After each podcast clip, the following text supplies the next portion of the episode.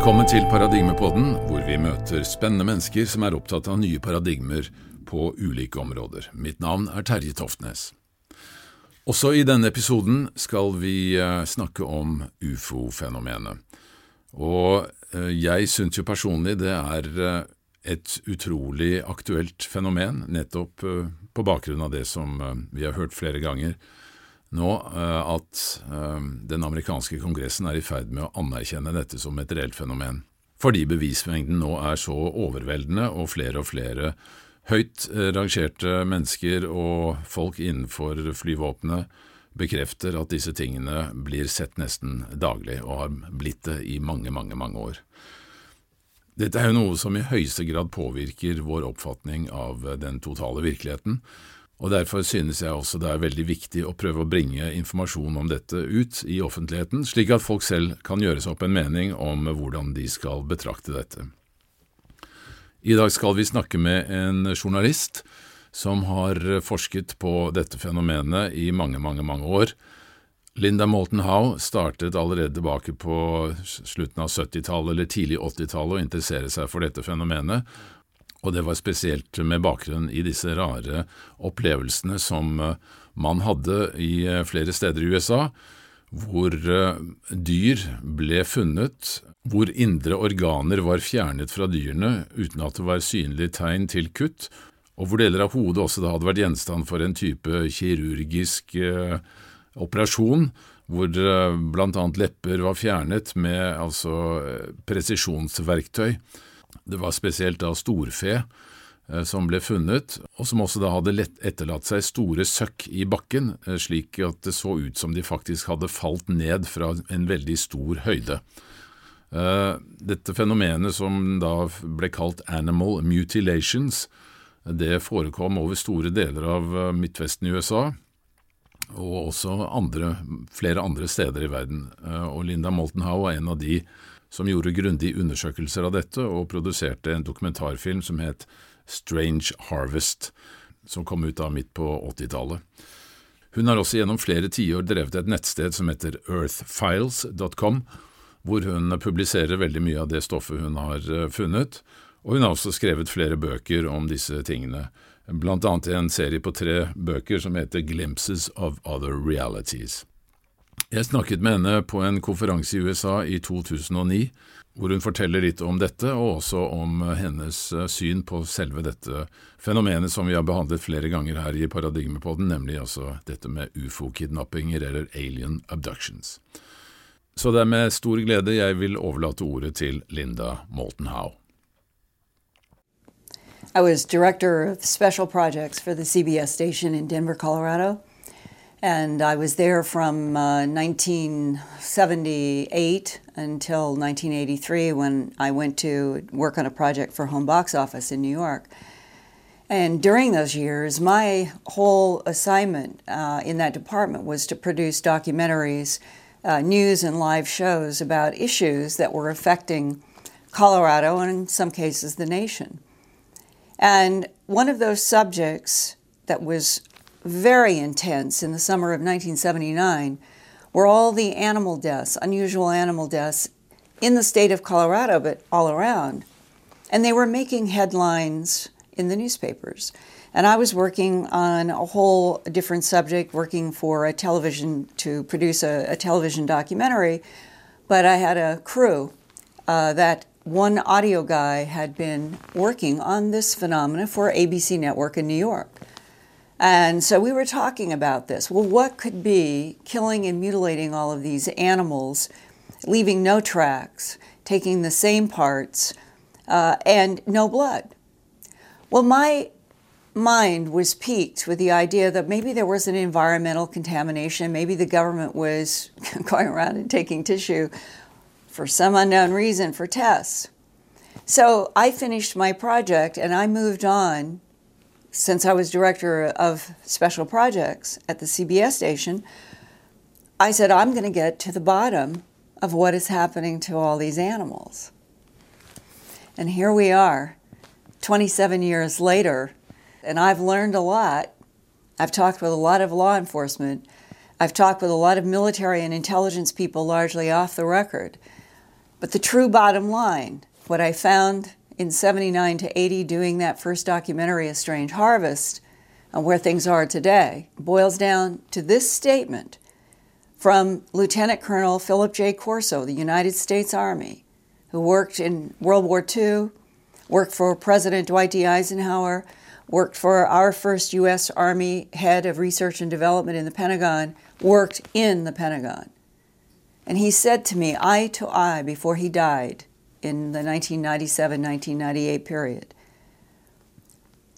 Linda, I read with my own eyes classified top secret documents about unusual animal deaths around the world in both the northern and the southern hemisphere. And it said that the perpetrators were, and this was the quote, extraterrestrial biological entities. And he said the earliest date that I remember on some of those highly classified documents was 1951, 1951. That would be only four years after the controversial Roswell crashes. So, a United States Army lieutenant colonel was confirming what long ago in 1979 to 1980, I, as a TV producer in Denver, Colorado, going out to law enforcement and having sheriffs and deputies, ranchers, even a fellow journalist, telling me about all of the fiery spheres, the discs, the beams. And as one former sheriff said to me, Linda, we're not dealing with predators, we're not dealing with disease, we're not dealing with satanic cults, we're dealing with creatures from outer space. So the investigation of what started out as a mystery, sort of like going through Alice in Wonderland's mirror, to a world that didn't exist to everybody else. But on the other side of that mirror were all of these military and intel people who would tell amazing things off the record, never in front of a camera, and law enforcement that would talk with me largely off the record, not going in front of a camera.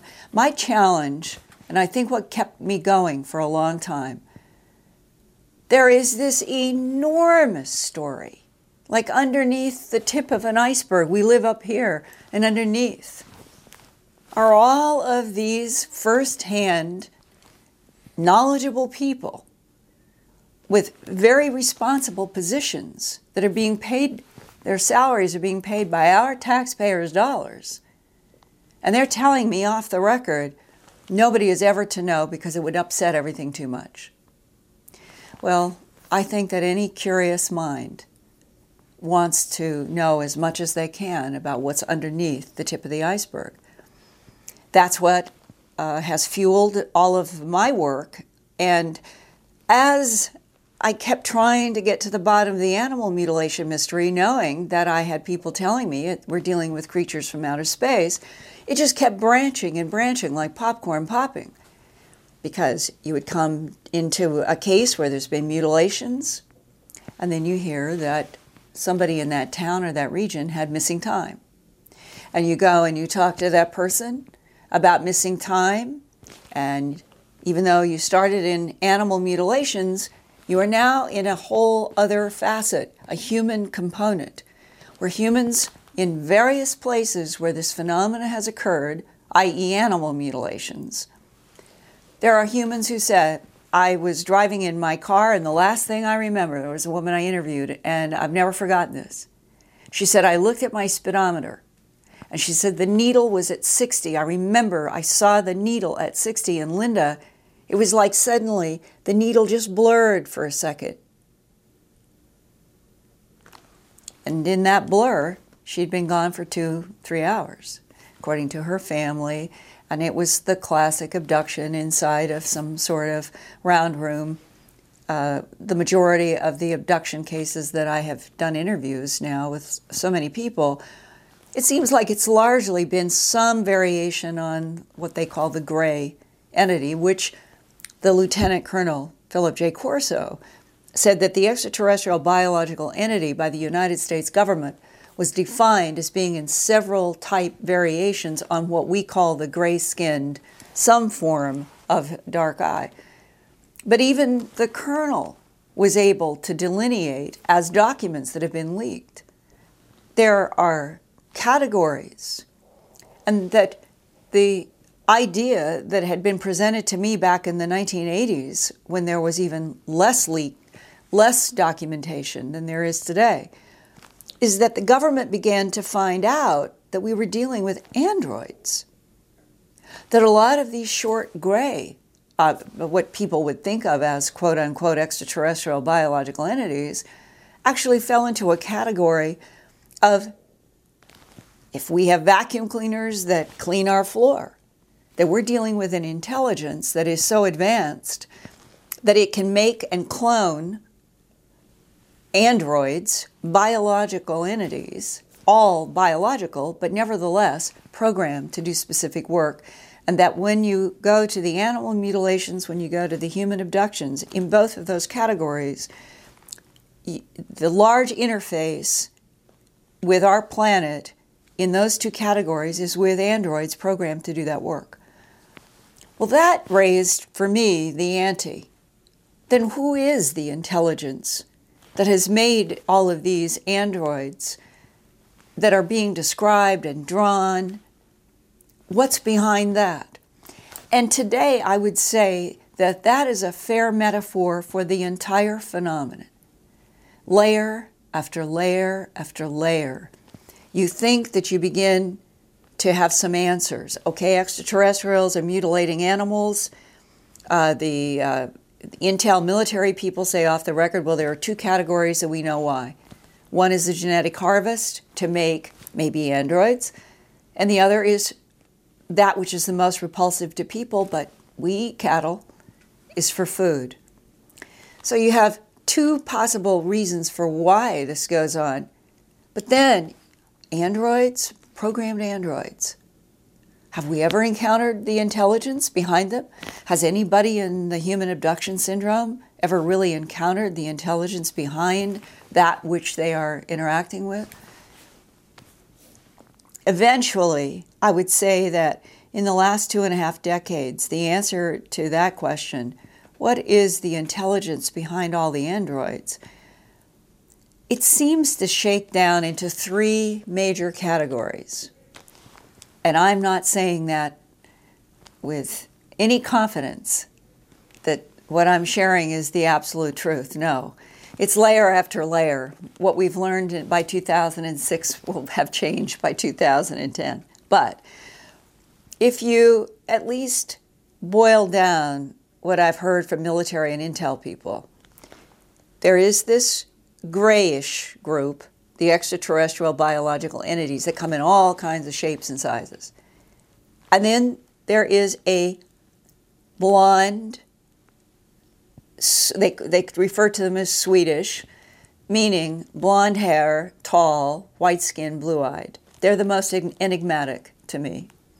And then the third group, uh, described by people in the human abduction syndrome, described by people in broad daylight encountering are the reptilian, I guess you would say humanoids or hominids, but they have scales and they have a humanish shape, uh, but people describe them clearly as looking reptilian. Standing up alligators or lizards is what you hear most of the time. Okay, so you're in another layer, all right, there may be three fundamental groups. Do they get along? Are they fighting each other? Are any of them working together?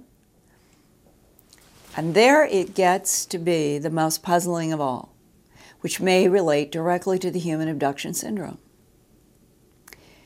Because when you talk with people who have had firsthand experience in the United States government anyway, either with, around, extraterrestrial biological entities, no matter what they look like, and you say, What does our government know about the agendas? And you find that people who say that they've even had a first hand, face to face with whatever type, they don't know. Now, as a human being on the planet, And as an American citizen who realizes that our tax dollars are going to a gigantic iceberg of totally undisclosed material about one or more intelligences on the planet, when I hear somebody say to me, after all these years, that they really still don't know what the agenda is, that makes me nervous. I would say that the next layer appears to be that we are moving, after all these years, for those of us who have at least had some kind of discussion.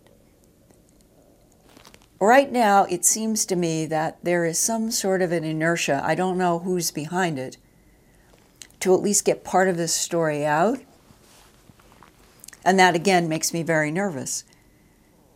The, the agenda of three groups who are involved with the worldwide animal mutilations that have been going on from as far as I know from at least the beginning of the 20th century. The human abduction syndrome that goes back to at least Betty and Barney Hill at the beginning of the 1960s and is ongoing to this day, according to people who get in touch with me and what's happening. The abductions are not being done by just one type. There are multiple types involved. The animal mutilations may also seem to be largely being done by some form of these Eben Greys, but not exclusively. If the government of the United States and in England and whoever is sharing this information, if they still don't fully understand the agendas and can't trust whatever communication they have, how do they open up the story to the worldwide public? It's like a Chinese torture box. The pressure is growing, growing, growing, and growing to get these fingers out of that Chinese torture box. Everywhere, and especially in the young generation, that from 20s on down, they come up to me in conferences and say, Linda, we know that there's got to be other life, but tell us about what they want. Isn't that what everybody wants to know? And if the governments really, truly are as baffled after all of these decades as the rest of us who are investigators, because every layer seems to lead to another layer of a thousand more questions. One, the very fact that all these layers never come to definitive answers has proved to me that we're dealing with something that is non human. It is totally alien. The technology is magic to a human. Now, the, you'll hear people in the government say, well, we've learned enough from what we've retrieved from crashes that you'd be amazed at what we have flying around in the skies today. But then turn that question back around to the military people who are coming forward and know about extraterrestrials. They know, they've had their hands on technology that we have taken from something else, from somewhere else, and back engineered it into a variety of technologies that we're using today. But ask any one of these people is there any company that is run by humans on the planet that can make something that is a mile long, that can be absolutely stock still in the air and silent? And that's been described by many people. And the answer is no. Well, are we able to make anything that's 100 feet long that is totally silent, that can stay absolutely stock still? And the answer is no. We may have copies that look sort of like, but we're not capable of doing that. So the, the to me right now, as an investigative reporter, the priorities for me break down into these categories. One, throughout 2006, I've been going on uh, television, radio, my er, news website, earthfiles.com, and making appeals and saying very frankly, the government has a policy of denial. It does not appear that there is any possibility that that is going to open up. So, for those of you who have had firsthand experience and only firsthand experience either directly with extraterrestrials, whether they're called biological entities or some other name, with the technology, any facet, please get in touch with me. And at the end of 2006, I have over 200 emails now that I consider to be in a file that are really substantive. And at the top of that list is a man who uh, surfaced in February of 2006. His name is Thomas Coleman Shepard. And he said, Linda, you know, enough is enough. I know. I know people who do know. I have, I've talked with superiors. We're dealing with extraterrestrial biological entities. That's what our government calls them. And for them not to be telling the truth, he said, I just can't take it anymore. I want you to know what I know. That's how most people have come. But here's the difference he was never asked to sign a non disclosure agreement. He's not breaking a law. He does not face the terrible punishment of prison or a fine. But he was willing, unlike some people, to lay out all of his military records, give me copies. The only parts that are blacked out are his social security number for everybody should no one should put their social security number out in, in the public and any address or phone number that would affect his current life. Everything else is totally open. Photographs eh, everything. Linda I, I, I just want to say what i know. And what does it boil down to? That he and two other guys in okinawa in japan at the white beach uh, Navy base run by the United States government on a Thanksgiving night, which is a an American holiday that is sort of revered, and most everybody always gets Thanksgiving off, so they had a skeletal uh, crew. And one of the guys was a what you call a, a machine um, genius, and he loved to break into places where nobody was supposed to be and he broke into a vault. And in that vault, the three men looked at files that had stamped all over them M A J I C. He knew nothing in 1976 about Majestic 12 or any of the material that has only surfaced really seriously in the last decade and a half. And he remembered joking, the three of them joking about, look, they don't even know how to spell. They spelled magic with a J. Today, that's highly relevant because we know that we now have real stamps, magic, that go back into the Truman administration and Eisenhower. That it appears that Truman organized a group that was military, science, and business to help him as President of the United States, cope with a subject that was overwhelming them a disk technology in the sky that could interrupt with, interfere with our V 2 rocket test. The, one of the most highly classified next to the Manhattan Project for the bomb was what we were doing with V 2 rockets from Germany in Project Paperclip, headed by Wernher von Braun.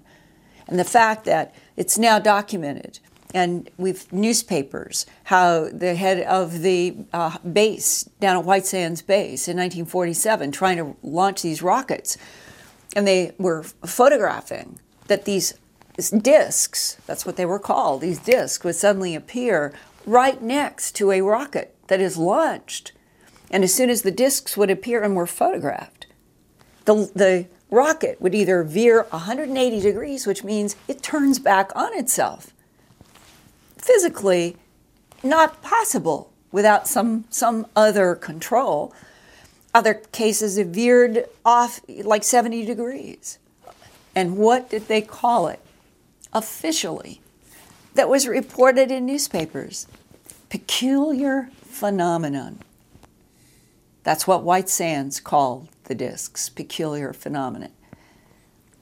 And as these pieces keep emerging, Another huge category in this whole field that involves animal mutilations, the human abduction syndrome, the disc technology in the sky, is the fact that there has now been emerging testimony for at least 10 years, even coming from a, a political person in the state of New Mexico, that there were standing orders by our government to shoot these discs down. They were perceived and written about in classified documents as enemy, enemy targets. And why? Because our government's definition, as might be any government's definition, if something can appear next to your most classified top secret research, which happens to be rockets that are being launched at huge speeds and has the ability to turn those rockets around on themselves, our government considered that a hostile act. Our government attacked. Our government used radar, our government used artillery, and apparently we brought down some of the discs, but the discs retaliated.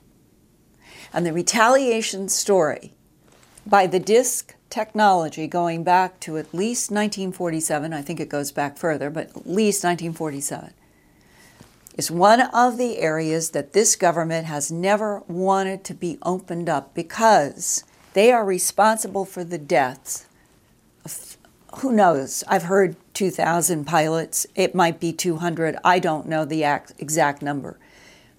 But many, many pilots in military planes who were ordered to go after and shoot down discs. They either disappeared or their planes crashed. This is another underbelly of this whole phenomenon.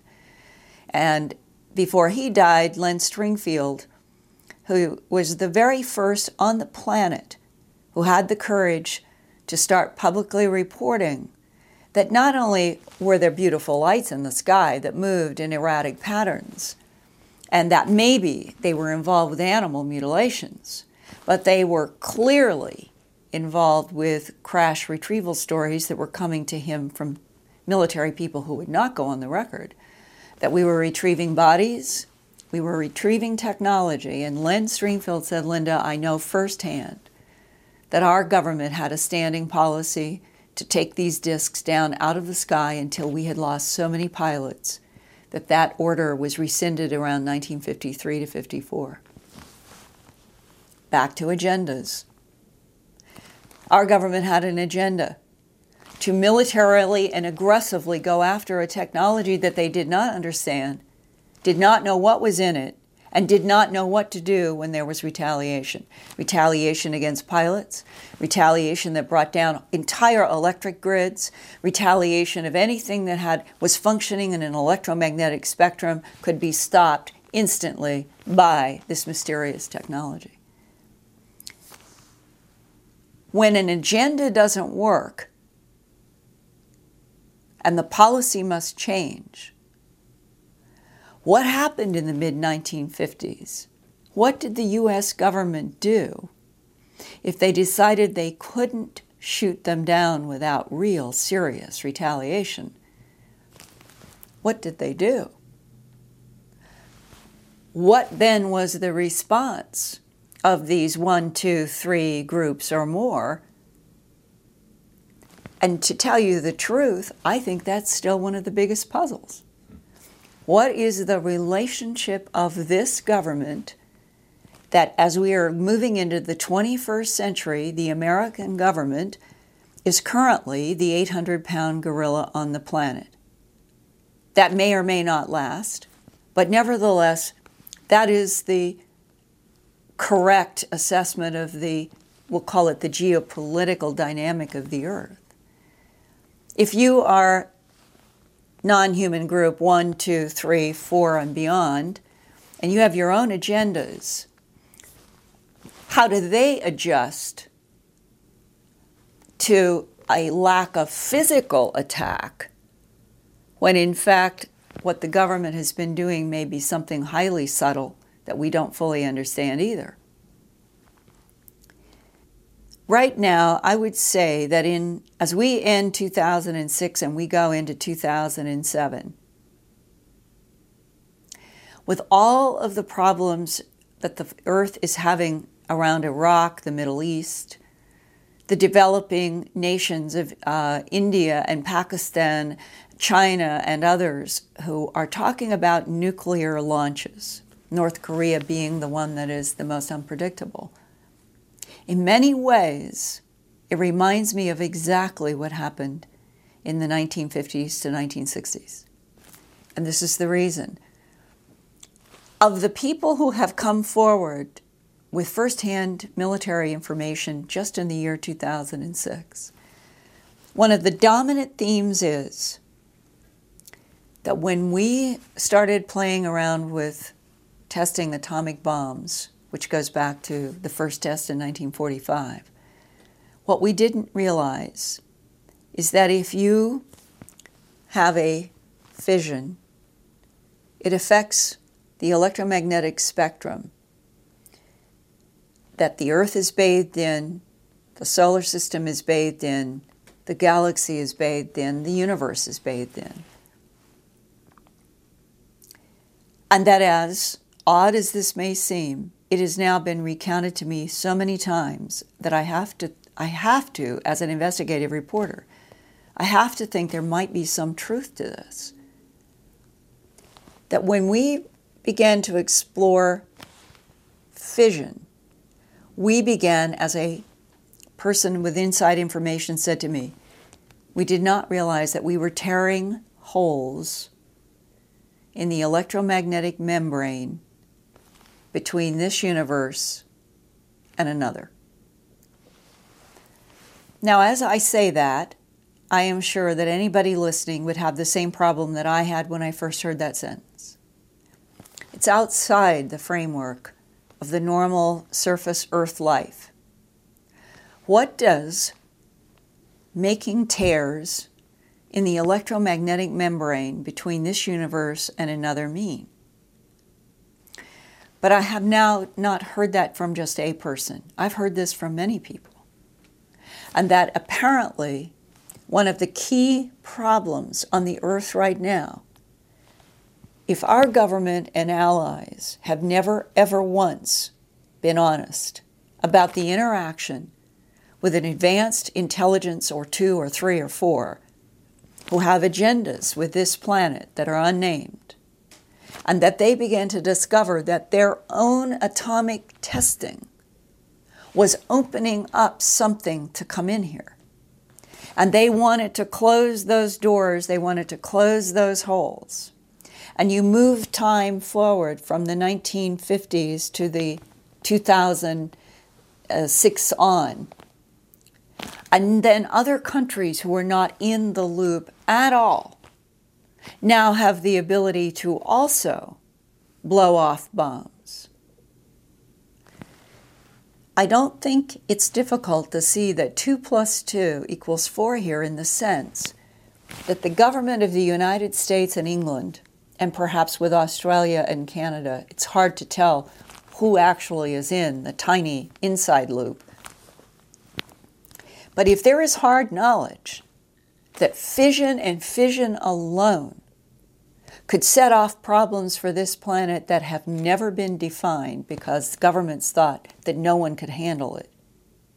And we now have countries rumbling and threatening. Where could this lead?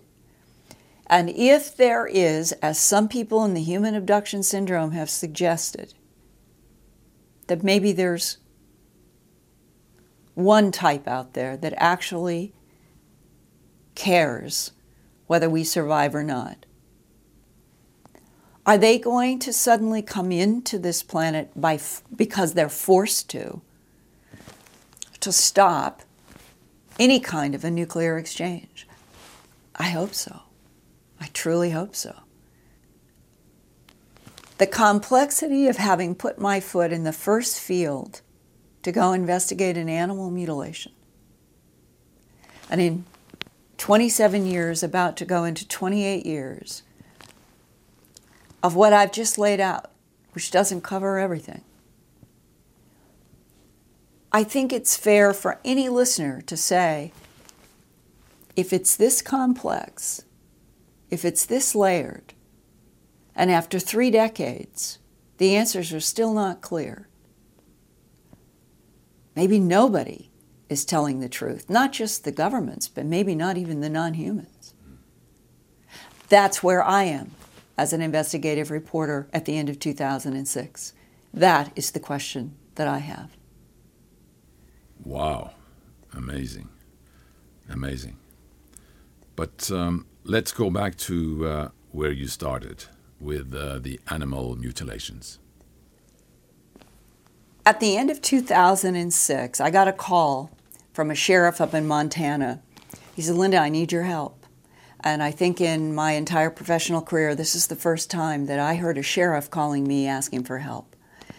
It's an extraordinary case. I am working on a Discovery Channel uh, program about this. And without going into all the details, here is what happened on October uh, 8th to 9th, 2006, to give a very current case. The forensic evidence in the uh, barley stubble where the animal was found mutilated in the classic mutilation, there's a bounce mark. It's as clear as day. The soil is pushed, and then the cow is beyond. And the sheriff said, Linda, this cow was dropped from above. Well, I've heard this for many years, but this is the very first case when we've got clear ground evidence the cow, 1,700 pounds, bang, and bounced and came to rest.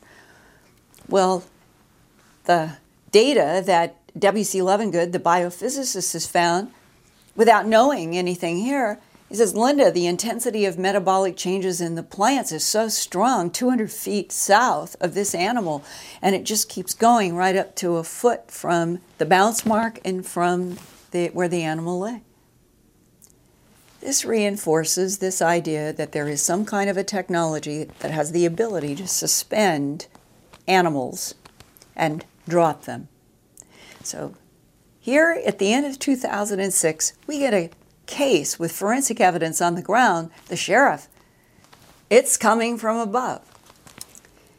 Well, in my work, when I think about these the highly strange cases, and I have maybe a dozen people who have told me they've seen beams, they've seen animals go up in beams, they've seen animals come down in beams and be dropped, but they won't go on the record. The beam even the sheriff back in 79 to 80, when I was working on a strange harvest, he was even open then about something that had the ability to hold down a heavy grown steer. And this is perhaps, if I said of all the cases, and there's a lot of high strangeness in the animal mutilation phenomenon. But this actually happened, have the photographs, the sheriff's testimony, this steer was found lying on its right side. The left ear that's up is gone. The left eye is gone. The jaw flesh is gone. The tongue is gone. The genitals are removed in a clean cut, and the rectal area was a hole. That is the classic animal mutilation. But here is this animal in these sheriff's Polaroids. Looks so fresh. Looks almost like it should be able to get up. But where the head is, and the sheriff measured it, there's an eight inch hole. So when you look at the photograph, the head is dipped down into this hole. And when you know nothing about the story, your first question, my first, what happened here? He said, Linda, the only thing that we can figure out is something was able to hold this animal paralyzed in this position while it took the ear, the eye, the tongue, the jaw flesh, the genitals, and the rectum, but it left the head alone. And that animal, during the excisions, dug the eight inch hole with its head. The beam that people have described appears to be able to neutralize gravity or or use gravity or use electromagnetic fields, but it certainly has been described as stopping things in their tracks. And when you think about this, that something literally flaunted, this was a flaunting, this was the sheriff's word. Whatever we're dealing with was flaunting. We can hold a steer on the ground with those legs as perfect as you could imagine, and there is not a line, there's not a sign of struggle. It looks like that animal had just gently been laid down. But the eight inch hole that it dug with his head, you think about that. When you had only your head to move, it obviously was experiencing pain. And that was the calling card. That's what the sheriff said. This flaunted the ability to hold, excuse me, this, this was a case that demonstrated that whatever we are dealing with was leaving a calling card. This is what we're capable of doing. It, it is easy to understand. And the sheriff told me that once that he had dealt with that case, that he no longer trusted the sky. Now, if you switch gears over into the human abduction syndrome, I think since I began the animal mutilation investigation in 1979 until uh, the end of 2006, that maybe I have talked with several hundred people, interviewed them in the human abduction syndrome. And you, you see this huge pointillisme of dots of people's experiences, and it basically adds up to examinations, telepathic communications, seeing uh, screens that show sometimes catastrophes on the earth.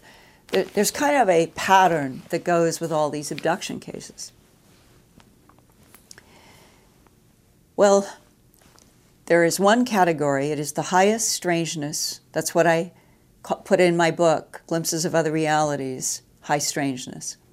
And there's a whole chapter in my uh, Glimpses of Other Realities, Volume 2, High Strangeness, that in the end of the 80s to the early 1990s, suddenly, half a dozen people were coming from different parts of the country. Not a single one of them knew each other.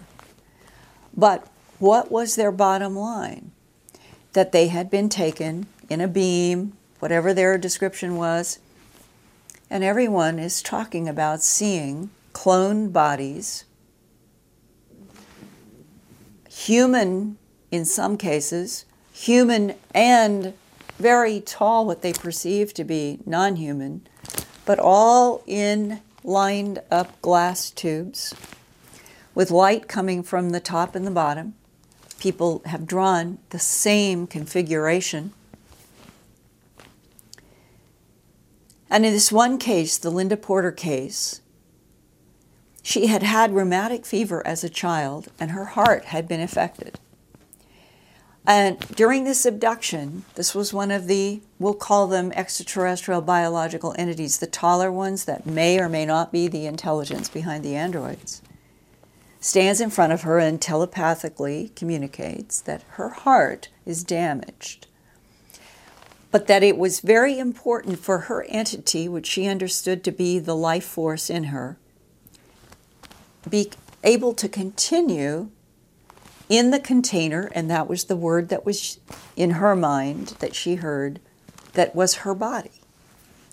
And this gray non human being says, I will demonstrate.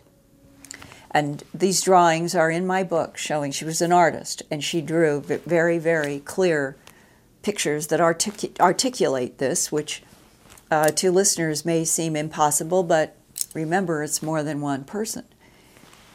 The gray being shows her a man laying on a table and he's dying. And the gray being explains this man is dying from some process, but that with him it was vital that his entity, spirit, be allowed to continue in a container like this container that is dying. And gestures to one of these rows of tubes, and there is a man. She can see a resemblance, but the man in the tube is younger than the man who is dying on the table. And then the being says, and this is the process. And a yellow gold light lifts out of this dying man's body and moves across into the, we'll call it a clone body that's younger looking, which then becomes animated. And while she was telling me that, they did this to me, Linda, I guess. And she extended her arms to me. And she said, I look at my own hands and I look at my own arms, and I don't know whose body this is. And she began to cry. And she said, I know who I once was, but I don't know anymore whose arms these are, as she cried. And it suddenly hit me hugely that we're dealing with something that clearly has the ability to mix and match genes, to clone, to work in electromagnetic spectrum, to neutralize gravity, all of the things that to us are impossible. And if we're dealing with an intelligence that's harvesting genetic material from animals on the earth to make perhaps the androids, what would be the agenda of cloning younger versions of what we perceive to be humans in the abduction syndrome and showing them a transfer of energy that brings them alive with the consciousness memory that they have always had, but in what they understand to be a new body. Where does that lead? What is the reason? And this is the highest strangeness in the human abduction syndrome that I know, and it haunts me. It haunts me to this day. So that's that's another. I don't think David and Budd, if they've run into it, they haven't written about it, but I have. It's it's in my book. I've laid out all these cases. Yeah. But I mean, again, um, Hopkins and Jacobs, they they don't include any spiritual um, side to this.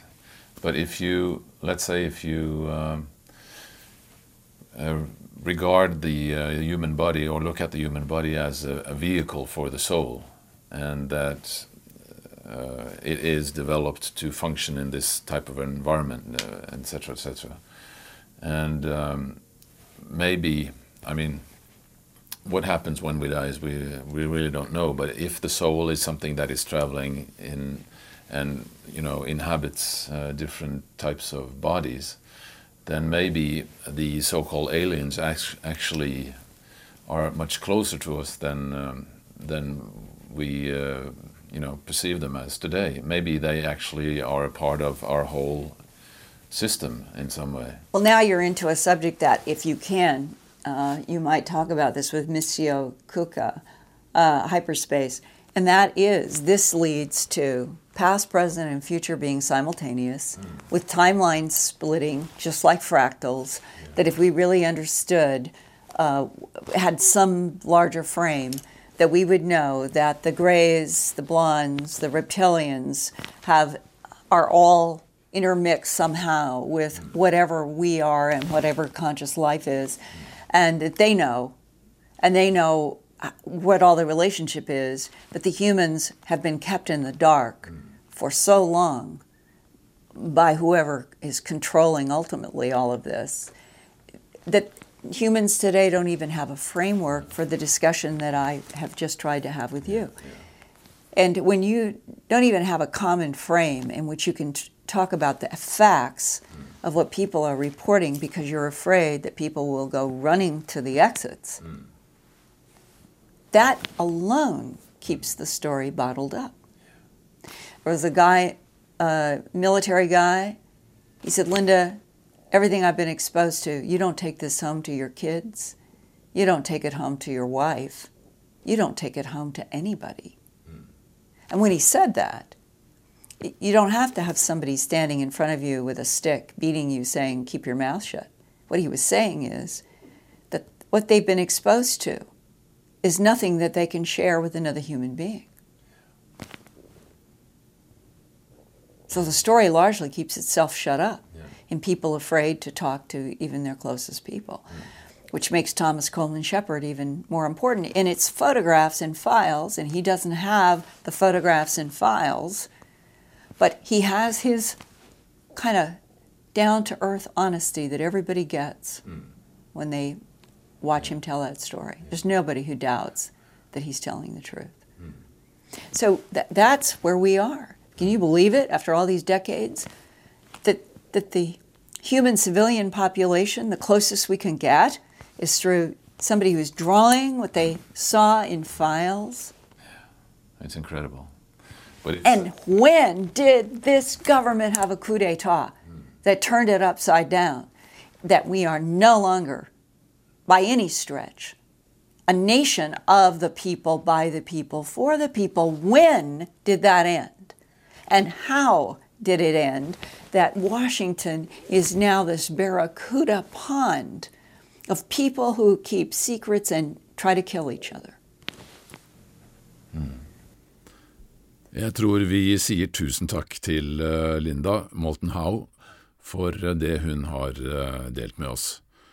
Det er eh, sterk kost på mange måter, fordi det åpner eh, på en måte et vindu inn til en virkelighet som for oss er veldig fremmed, eh, kanskje skremmende, men også utrolig fascinerende. Jeg kommer ikke til å slippe dette temaet i Paradigmepodden enda på en stund, så det kommer flere ting som også vil belyse disse fenomenene. Og fordi dette temaet i mediene i dag eh, ofte behandles som om det skulle være en helt ny oppdagelse at dette her har pågått, mens det altså har vært veldig, veldig mye forskning på dette over mange, mange, mange tiår. Og jeg syns det er viktig å få dette fram i lyset, som sagt. For de av dere som vil fortsette å støtte denne podkasten, så er altså vårt VIPS nummer 524 005 524 005. Og jeg må igjen si tusen takk til alle dere som har gjort det. Da gjenstår det bare for meg å si takk for nå, og så ses vi igjen i neste episode av Paradigmepodden.